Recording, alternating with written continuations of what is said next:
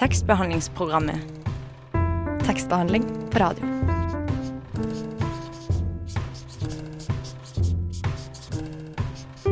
Tekstbehandlingsprogrammet.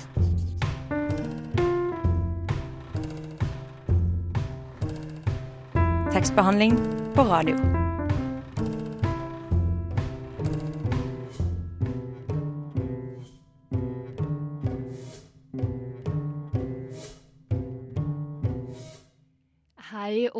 Velkommen til tekstbehandlingsprogrammet denne onsdagsmorgenen.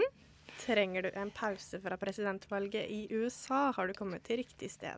Ja, for vi kommer ikke til å si, tror vi, et eneste ord om eh, resultatene eller eh, valget. Og mitt navn det er Mari Nyberget, og med meg i denne sendingen så har jeg deg, Idun Solheim Svarverud.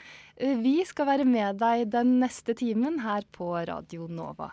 Ja, og i dag får vi besøk av forfatter Kenneth Moe, som har gitt ut en ny roman som heter Det åpenbare. Og vi skal også høre et innslag om sensur i barnebøker, men aller først så skal vi ha litt eh, musikk. Det her er eh, Grå sky med dansegulv. Hallo, Chartersveien her. Jeg passer jaggu meg inn i tekstbehandlingsprogrammet også. Jeg syns at døra bør stå på gløtt. Tekstbehandlingsprogrammet holder døra oppe for alle.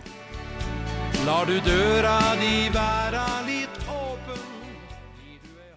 Du hører fremdeles på tekstbehandlingsprogrammet her på Radio Nova. Og i studio nå så har vi fått besøk av deg, forfatter Kenneth Moe. Velkommen til oss. Tusen takk. Du ga ut din andre roman eh, nå i høst, 'Det åpenbare', på Ja. Pelikan forlag. Eh, Kan du først fortelle litt kort om hva romanen din handler om? Eh, ja, jeg pleier å si at eh, den første romanen min, 'Rastløs', handler om å sitte fast. Og at den andre boka, 'Det åpenbare', handler om å komme seg løs. Eh, den handler om en person som eh, eksperimenterer med psykedelika for å liksom introdusere litt kaos i et veldig trangt og, og fastsatt system, da. For å se hva som skjer, hva som kommer ut av det. Mm. Hva var det som inspirerte deg da du skrev den? Eh, bøker, mener du, eller, eh, eller selve opplevelsene?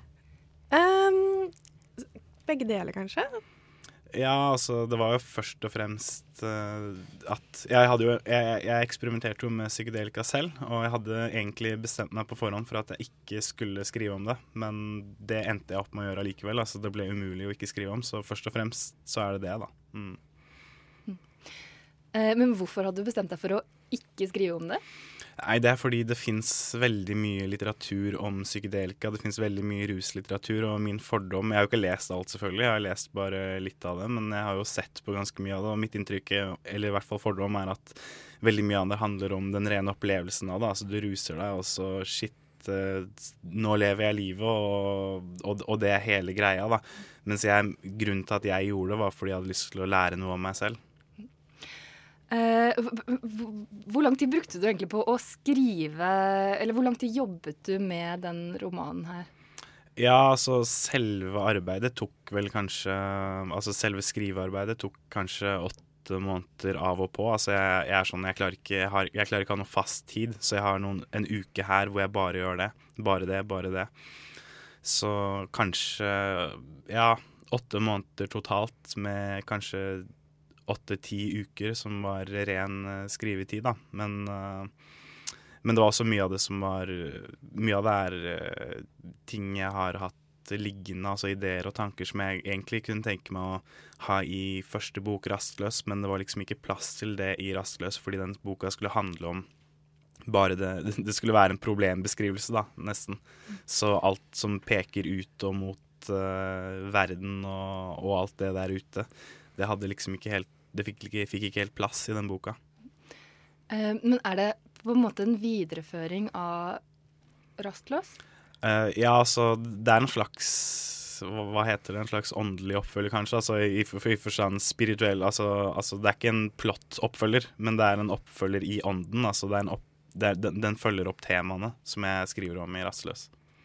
Mm, og du har jo også sagt tidligere at Rastløs hadde hentet en del fra virkeligheten Og du har også engasjert deg i debatten om å bruke ekte mennesker i litteraturen. Ja.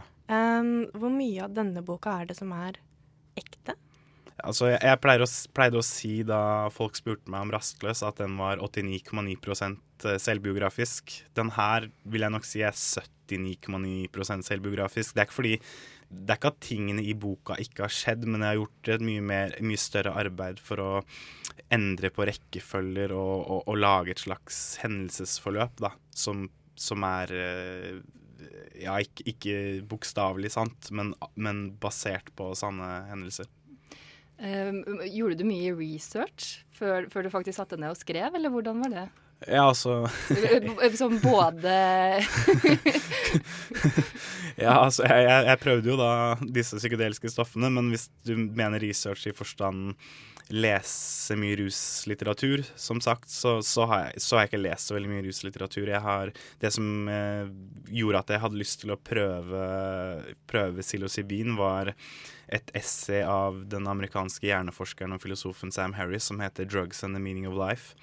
Som er en, et essay som handler rett og slett om, om hvor, hvor givende det kan være. Da. Altså, han, om, han snakker i det essayet om Han ramser opp rusmidler som Hvis min datter prøver det her, så blir jeg Det er hårreisende. Hvis min datter prøver ditt og datt, amfetamin, kokain. Men hvis, hvis, hun hvis jeg hører at hun ikke prøver eh, LSD eller MDMA eller, eller psilocybin, så føler jeg at hun har gått glipp av en av de viktige overgangsritene i livet. Og, og det, at, og det å, å høre et menneske si at han ønsket at hans datter skulle prøve det, var det som overbeviste meg om at det antageligvis var trygt nok, da. Eh, Så må jeg nesten spørre òg da, da. eh, Tror du noen kanskje kan bli eh, inspirert eh, til å prøve eh, fleinsopp, da, kanskje, av å lese boka di? Ja, altså, det er jo, det er jo godt mulig, det. Jeg, jeg føler jo ikke boka er en reklame for det. Det handler jo om veldig mye om de mørke veiene man går eh, inn i på de, på de turene. Men, men det, det er jo også bevegelse mot mennesker og mot varme og glede som jeg absolutt kan se for meg kan, kan gjøre det fristende for, for andre mennesker. Jeg, jeg, jeg skal ikke si noe selv sånn Folk burde, burde ikke gjøre det, men eh, det, det, får, det får være opp til enhver leser hva slags handlinger de, de får lyst til å Hva slags gjerninger de får lyst til å begå etter å ha lest boka. Eh, Vi skal høre enda mer om eh, det åpenbare etter litt musikk. Du skal bl.a. lese et eh, utdrag for oss. Men aller først Bon Iver med The Wolves.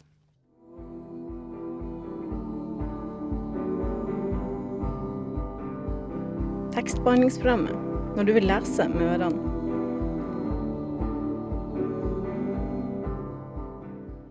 Du hørte Bon Iver med The Wolves her i Radio Novas eneste litteraturprogram, tekstbehandlingsprogrammet. Og Kenneth Moe, du er med oss, og du har forberedt et utdrag fra romanen din som du skal lese for oss nå. Hva, hva er det vi får høre for noe? Eh, Ja, jeg skal lese et kort kapittel som eh, for... Jeg, jeg har altså drukket te med, med fleinsopp i, og så har jeg ligget på sofaen og dratt på en liten indre reise, men, men så har jeg funnet ut at det her holder ikke da for å utfordre det jeg trenger å utfordre, så er jeg nødt til å gå ut.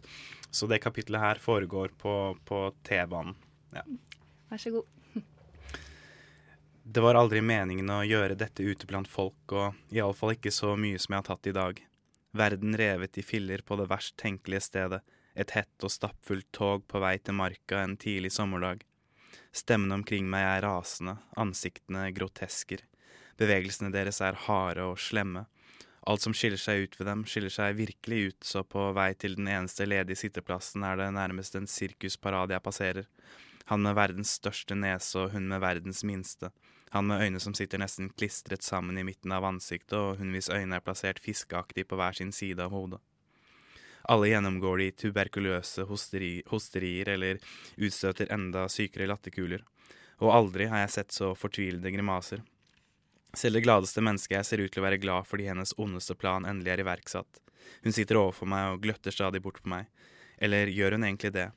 Et spedbarn gråter, og det gråter ikke et uskyldig barns tårer, men kloke og gamle tårer for hele jordklodens og alle menneskers lidelse. For hvor fælt vi alle har det som å omgås hverandre på denne måten. Afrikaneren ved siden av meg snakker høyere på telefonen enn han vanligvis gjør. Det slår meg et øyeblikk at hvis jeg virkelig konsentrerte meg, så kunne jeg lært språket hans ganske fort, og kanskje fått med meg slutten av samtalen. Men jeg klarer ikke å konsentrere meg. Den gamle damen som sitter til venstre overfor meg, presser hunden sin fast i fanget. Den puster og peser, og jeg kan lukte den helt hit. Også den gløtter bort på meg. Den smiler. Vennlig, tror jeg. Nå sitter jeg fint i det. Det føles som om alt dette skjer oppå meg, inni meg. I tillegg sitter jeg med ryggen mot kjøreretningen. Svette renner nedover pannen min og tinningene. Jeg svetter, og jeg svetter overalt ellers på kroppen også. Svetten trekker gjennom klærne. Jeg skulle ha skiftet klær etter dusjen. Svetten synes å reaktivere noe av den gamle lukten i dem. Jeg kan lukte meg selv nå, og blir paranoid. Kan de også lukte meg? Kan de se det på meg? Oppfører jeg meg skikkelig nå? Er det ikke det jeg alltid spør meg selv, forresten? Det er noe gjenkjennelig ved det psykedelisk merkelige, som om jeg for første gang ser meg selv slik jeg alltid er. Min egen forakt og nervøsitet er nå så latterlig karikert at også jeg blir en skikkelse, en type. Mine lavere selv som jeg vanligvis prøver å undertrykke, elitisten, rasisten, forakteren, fnyseren, kommer frem og minner om at også jeg er dum og grotesk. Jeg skulle ønske jeg kunne si at denne selvinnsikten førte til en bedring av situasjonen, men når sant skal sies, blir jeg om mulig enda mer hatsk av å se min egen delaktighet i det menneskelige ugne. Det eneste jeg kan gjøre nå, er å sitte helt i ro, ikke si noe, ikke gjøre noe, ikke skvette til om noen kommer borti meg. La jeg dem være i fred, lar de meg være i fred. Sant nå, sant alltid. Mm. Og som vi hører, så foregår jo mesteparten av handlingen inni hodet til hovedpersonen. Um, og hvorfor har du valgt å velge bort den uh, ytre verden i så stor grad? Ja, altså Det er jo en sub veldig subjektiv fremstilling, selvfølgelig. Altså, jeg, jeg skriver jo fordi jeg, jeg, er opptatt av å utforske tanker og, og følelser. Eh, og mye av den eh, såkalte normalprosaen som er veldig konkret, og hvor, eh, hvor jeg på en måte viker for alt det der ute. Eh, det kan være veldig god litteratur, men det jeg savner er, og det jeg er ute etter, er et, et jeg som forsøker å forstå seg selv og sin plass i verden, og hva det vil, og hva det Ja, rett og slett. Mm. Eh, det er jo, eller Jeg føler i hvert fall at det er en veldig sånn filosofisk eh, roman. Har du lært noe nytt om deg selv i, i arbeidet med den? Ja, altså jeg, jeg lærte, lærte, noe om meg selv da jeg gjorde de eksperimentene, eh, eh, som var en slags indre endring, hvordan jeg ser ting. Men jeg lærte mer av selve skrivearbeidet, som, hvor jeg prøvde å liksom eh, tolke disse opplevelsene og se hva de betydde, hva de kunne bety. Uh, ja, altså man, man, man i, På disse stoffene så blir uh, ideer veldig fysiske, veldig konkrete. Det er som at det som, det som til vanlig er så abstrakt og ja, så vanskelig å forholde seg til, virker på kroppen. Da. Du ser hvordan ideer, hvordan tanker, hvordan omgivelser virker på kroppen. Yes. Er du en annen person nå enn du var før du skrev den boka? Det, det, er et vanskelig spørsmål. For det første så er jeg en annen person nå pga. veldig mange andre ting enn eh, en eh, de psykedeliske opplevelsene. Men eh, jeg mener absolutt at jeg opplever verden på en vagt annerledes måte nå. Det, det har ikke vært en kur for alle mine nevroser, men, men det, har vært, det, har gitt meg måter å, å se verden på som, som, hjelper meg, og som gjør at jeg av og til kan få en distanse til, til, det, til det nevrotiske. Mm -hmm. Og så i boka er det jo en del sider med tegninger og det som ser ut som sider fra en notatblokk. Kan du fortelle litt om dem? Ja, det var jo Det var jo redaktøren min som foreslo at uh, kanskje det ville, ville, hjelpe leseren eh, litt å forstå hva det er jeg snakker om. Å se det her eh, kaoset som jeg Jeg, jeg beskriver jo notat, noteringen i en tekst, og, og, og, og, redaktøren min mente at det ville hjelpe da, å, vise de, de utdragene. Så, så, derfor har jeg lagt inn noen av dem. Først og fremst så tenker jeg at, at det, er, det, er, det, er, sånn humoristisk avbrekk, da, fordi det er jo veldig sprø, kaotiske, erotiske tegninger. Og ikke nødvendigvis mitt liksom Det er ikke mine smarteste tanker. Men, men, ja, for det er du sjøl som har uh, lagd de? Ja, ja. Det, er, det er autentisk psykedelisk uh, tegninger, ja. Skrevet i, i villskap og, og, rus og lidenskapelig En lidenskapelig følelse av at nå har jeg forstått noe. Mer om det om litt. Vi skal høre deg lese enda et utdrag eh, fra det åpenbare. Men aller først så skal vi høre Benjamin Finger med 'Geek the Freak'. Hysj! Nå hører vi på tekstbehandlingsprogrammet. Her i tekstbehandlingsprogrammet har vi fremdeles besøk av forfatter Kenneth Moe, og du skal lese et utdrag til for oss. Um, du kan egentlig få starte rett på, så snakker vi om det litt uh, etterpå. Ok, Jeg har bare lyst til å si at uh, den her uh, forferdelige T-baneturen jeg beskrev tidligere, er nå over, og nå, nå vimser jeg rundt i skogen. Dette er et kapittel som heter 'Om å løse uløselige problem'. Jeg stanser om enn bare for å bevise for meg selv at jeg fortsatt er i stand til å stanse og se meg omkring. Fortsatt bare trær, men jeg kan høre at en sykkel er på vei. Jeg hører hjulene nærme seg. Jeg vet ikke fra hvilken retning, kan ennå ikke se noe til den. Lyden kløyver liksom ryggraden, altså kommer den bakfra. Det skjer altfor mye nå. Hele verden renner inn i meg. Jeg renner inn i verden.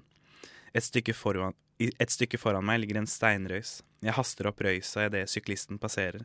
Jeg setter meg ned på en knatt. Hvorfor så andpusten plutselig? Å ja, selvfølgelig. Eh, steinrøysa jeg nettopp klatret opp. Jeg legger meg ned.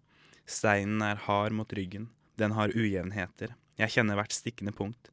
Allikevel, nå tenker jeg at jeg har funnet stedet mitt, at målet mitt nå er å være her en stund, og tåle det milde ubehaget om nødvendig. Skuldrene protesterer, korsryggen krummes der steinen heller forsiktig nedover. Ubehaget blir gradvis til smerte.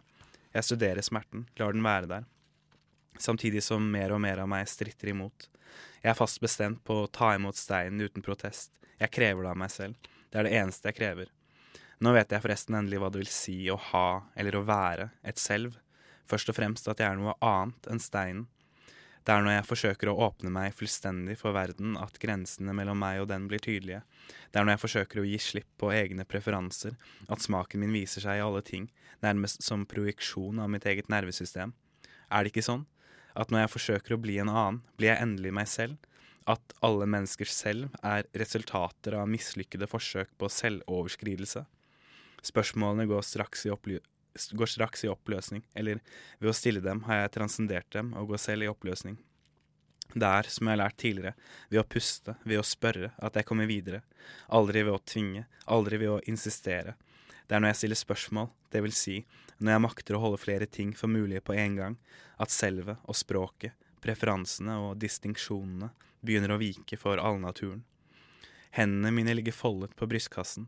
Først oppløser de seg i hverandre, så forsvinner hendene ned i brystkassen, så forsvinner hele brystkassen og resten av kroppen videre ned i steinen. Det er som om jeg renner ned gjennom sprekkene som varm kakao. Jeg og, jeg og steinen er ett varmt felt. Jeg kjenner ikke ro i denne tilstanden eller uro, men en udifferensiert summing. Dette er impulsenes urtilstand, kaotisk og fri. Først lenger oppe i systemet, i de høyere lagene, hvor det trengs ord, tolkninger, fortellinger, vil impulsene ta form som enten det ene eller det andre. Jeg føler dette fordi, og det blir handlinger. Altså er jeg nødt til å. Her nede i dypet er det derimot tydelig at hver lille rykning på overflaten kun er del av en mye større og langt mer tålmodig bevegelse, som jeg knapt har tilgang på. Det har foregått en slags gradvis oppheving av skillet mellom meg og verden. Til hverdagsbruk er skillet helt livsnødvendig, men det er samtidig den grunnleggende tankefeilen bak og årsaken til at vi aldri føler oss hjemme noe sted. Og er ikke drømmen om et brudd nettopp en slags hjemlengsel? Jeg drømmer om et brudd med mitt eget opphav, det vil si å bli en annen, nettopp så jeg kan føle, kanskje for første gang, at jeg er hjemme her og nå. Men det er ingenting jeg er nå eller har vært som jeg kan slutte å være i morgen. Ei heller kan jeg tvinge noe nytt og fremmed inn i systemet. Det eneste jeg kan gjøre, er å åpne opp, se hva som skjer. Bare dette. Puste. Spørre.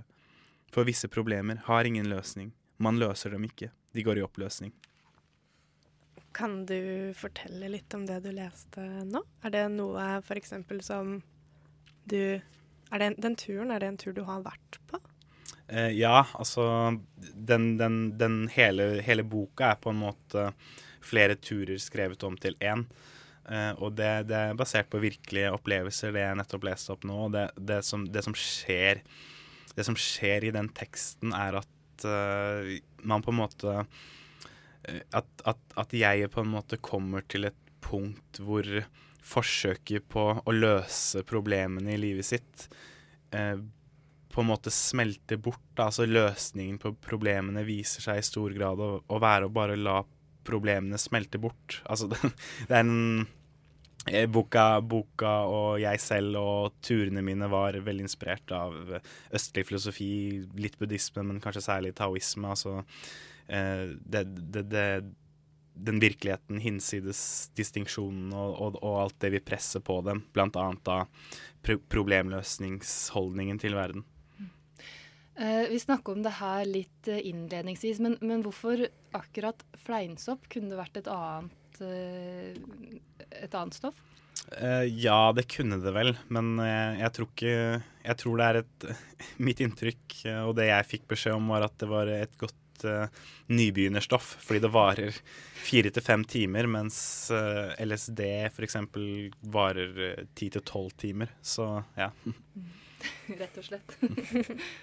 En annen ting som er gjennomgående i boka, er fargen grønn. Og du beskriver et forhold til fargen grønn som er alt annet enn positivt. Um, er det et bevisst valg, eller hva ja, det, står bak? Det, det, ser jo ikke seerne nå, men jeg har faktisk på meg en grønn genser nå, så det er ikke en, er ikke en, er ikke en absolutt antigrønn holdning. Det er rett og slett bare at jeg en gang, og dette er den mer introverte delen av turen hvor jeg ligger på sofaen, at uh, en gang så så jeg et sånt mønster som rett og slett ikke gikk opp i hverandre. Da. Så det, det var som det, det var ikke todimensjonalt enkelt mønster av grønt. Det bare føltes feil på så mange måter, og det eneste som det kunne det eneste minnet meg om, som jeg kunne sammenligne det med, var en sånn en glitch i et dataspill, da, hvor dataspill eh, på en måte bryter opp, og du, og du ser sånne tilfeldige fargemønstre.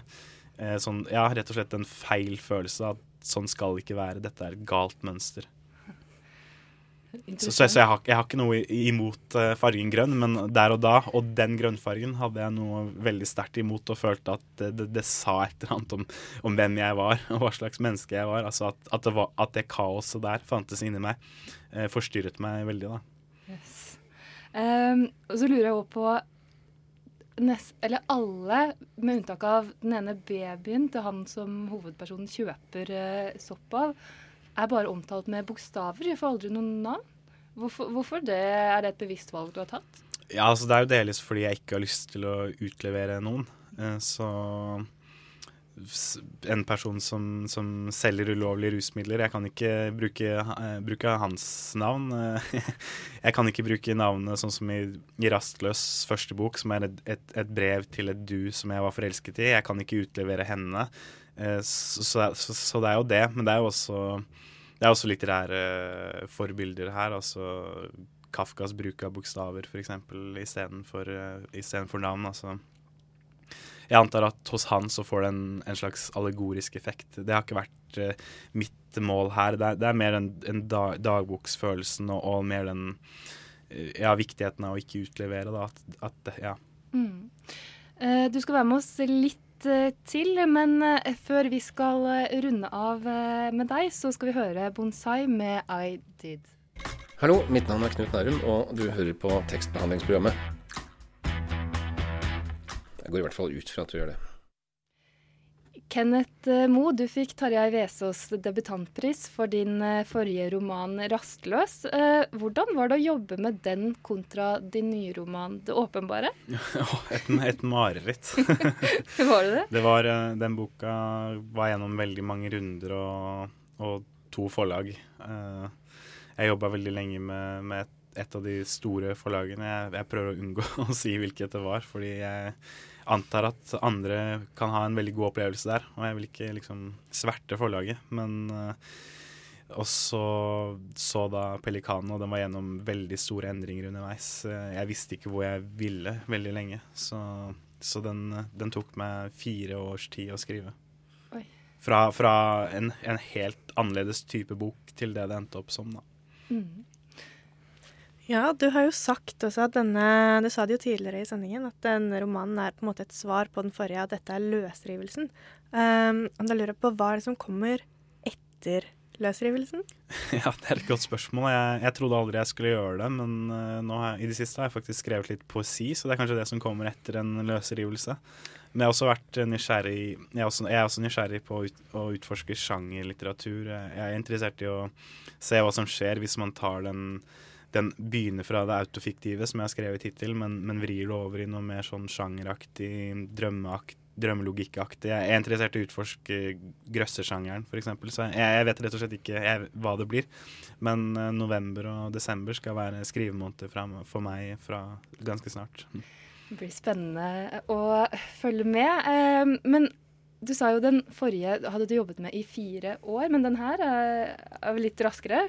Hvordan, ja. hvordan går det an å lage en roman så kjapt? Det er jo bare et år mellom de. Ja, for det første er den veldig kort, da. Det er viktig, viktig å si. men, men, eh, men jo, mye av det som, som, jeg skriver om i det åpenbare, er tankestoff som jeg, jeg, jeg hadde mens jeg holdt på med Rastløs også. Jeg tenkte veldig mye på løsrivelse og, og, hva er da løsningen på disse problemene mens jeg skrev Rastløs, men jeg var veldig opptatt av at Rastløs skulle være en veldig trang og klaustrofobisk roman.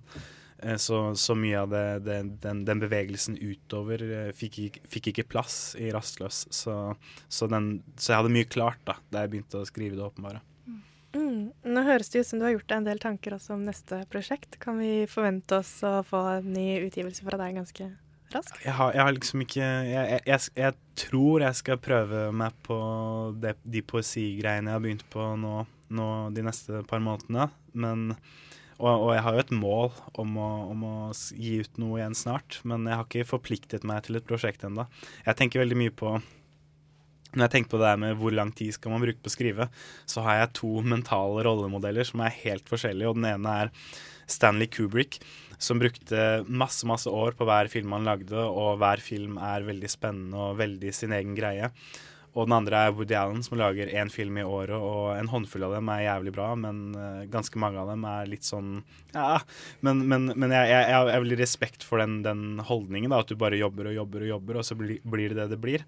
Og så har jeg veldig respekt for den der ta sin tid-greia. Så jeg, jeg, vet rett og slett ikke Jeg vet ikke når neste bok kommer, men Prøve litt begge deler. ja, prøve, prøve meg på litt begge deler, ja.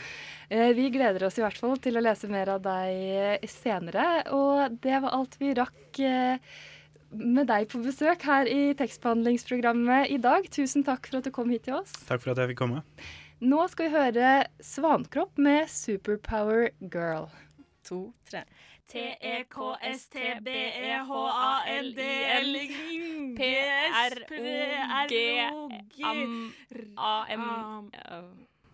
Tekstbehandlingsprogrammet på Radio Nova. Det var eh, A-listelåta 'Superpower Girls' med, av Svankropp her i tekstbehandlingsprogrammet på Radio Nova.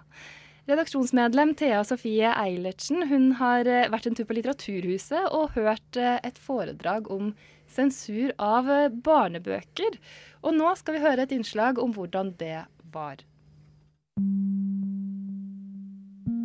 Kald høstkveld, og vi befinner oss på Litteraturhuset. Her skal det vanskelige temaet sensur diskuteres. Fokuset ligger på barnebøker, og kveldens arrangør er Norsk Penn, en organisasjon som jobber for fri ytring. Kveldens talere er spesialbibliotekar ved det flerspråklige biblioteket, Nisrin Maktabi Barkoki, og forfatter og utdanningsleder i Norsk barnebokinstitutt, Dag Larsen. Det skal diskuteres ulike typer sensur, og hva som ligger til grunne for sensuren. Politikk, religion og sex er de mest gjennomgående temaene. Vi kan ikke snakke om sensur uten å besøke USA, verdens moralske høyborg på tross av sitt mer enn feilaktige kompass. Banning, rasisme og sex står fram som de største temaene for innvendinger blant USAs selverklærte sensorer. Blant litterære klassikere er lista lang over bøker som enten har blitt utfordret, begrenset, fjernet eller utestengt. På denne lista finner vi på førsteplass The Great Gatsby, andreplass uh, The Catcher in the Rye og tredjeplass The Grapes of Wrath. Fellesnevnerne for deres uh, bannlysning eller utfordring, det er uh, uh, sex og banning. Og blant nyere bøker så er det det samme som går igjen.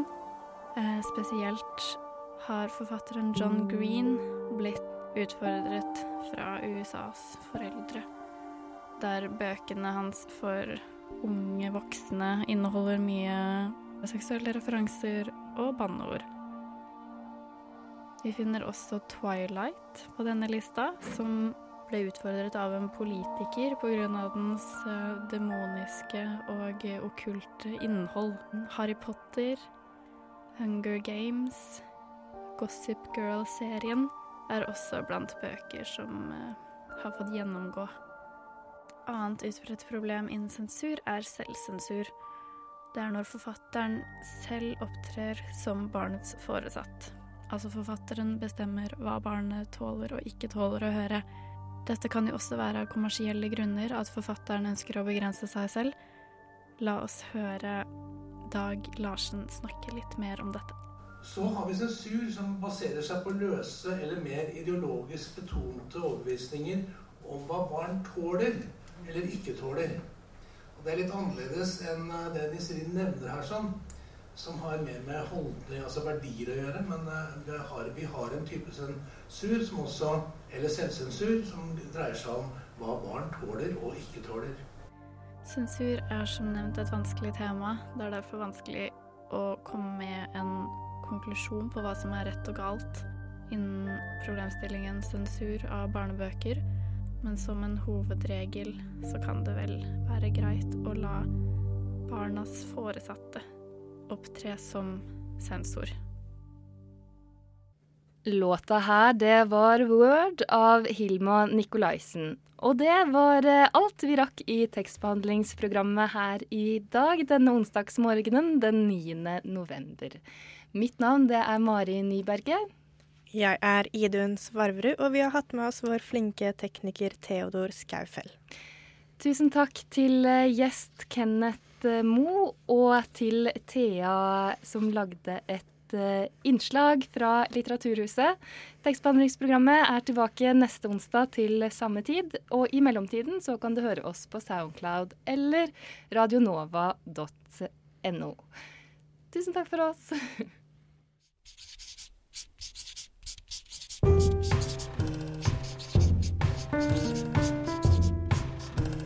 Tekstbehandlingsprogrammet. Tekstbehandling på radio.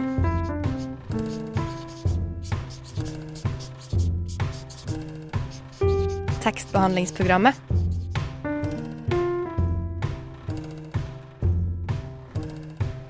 Tekstbehandling på radio.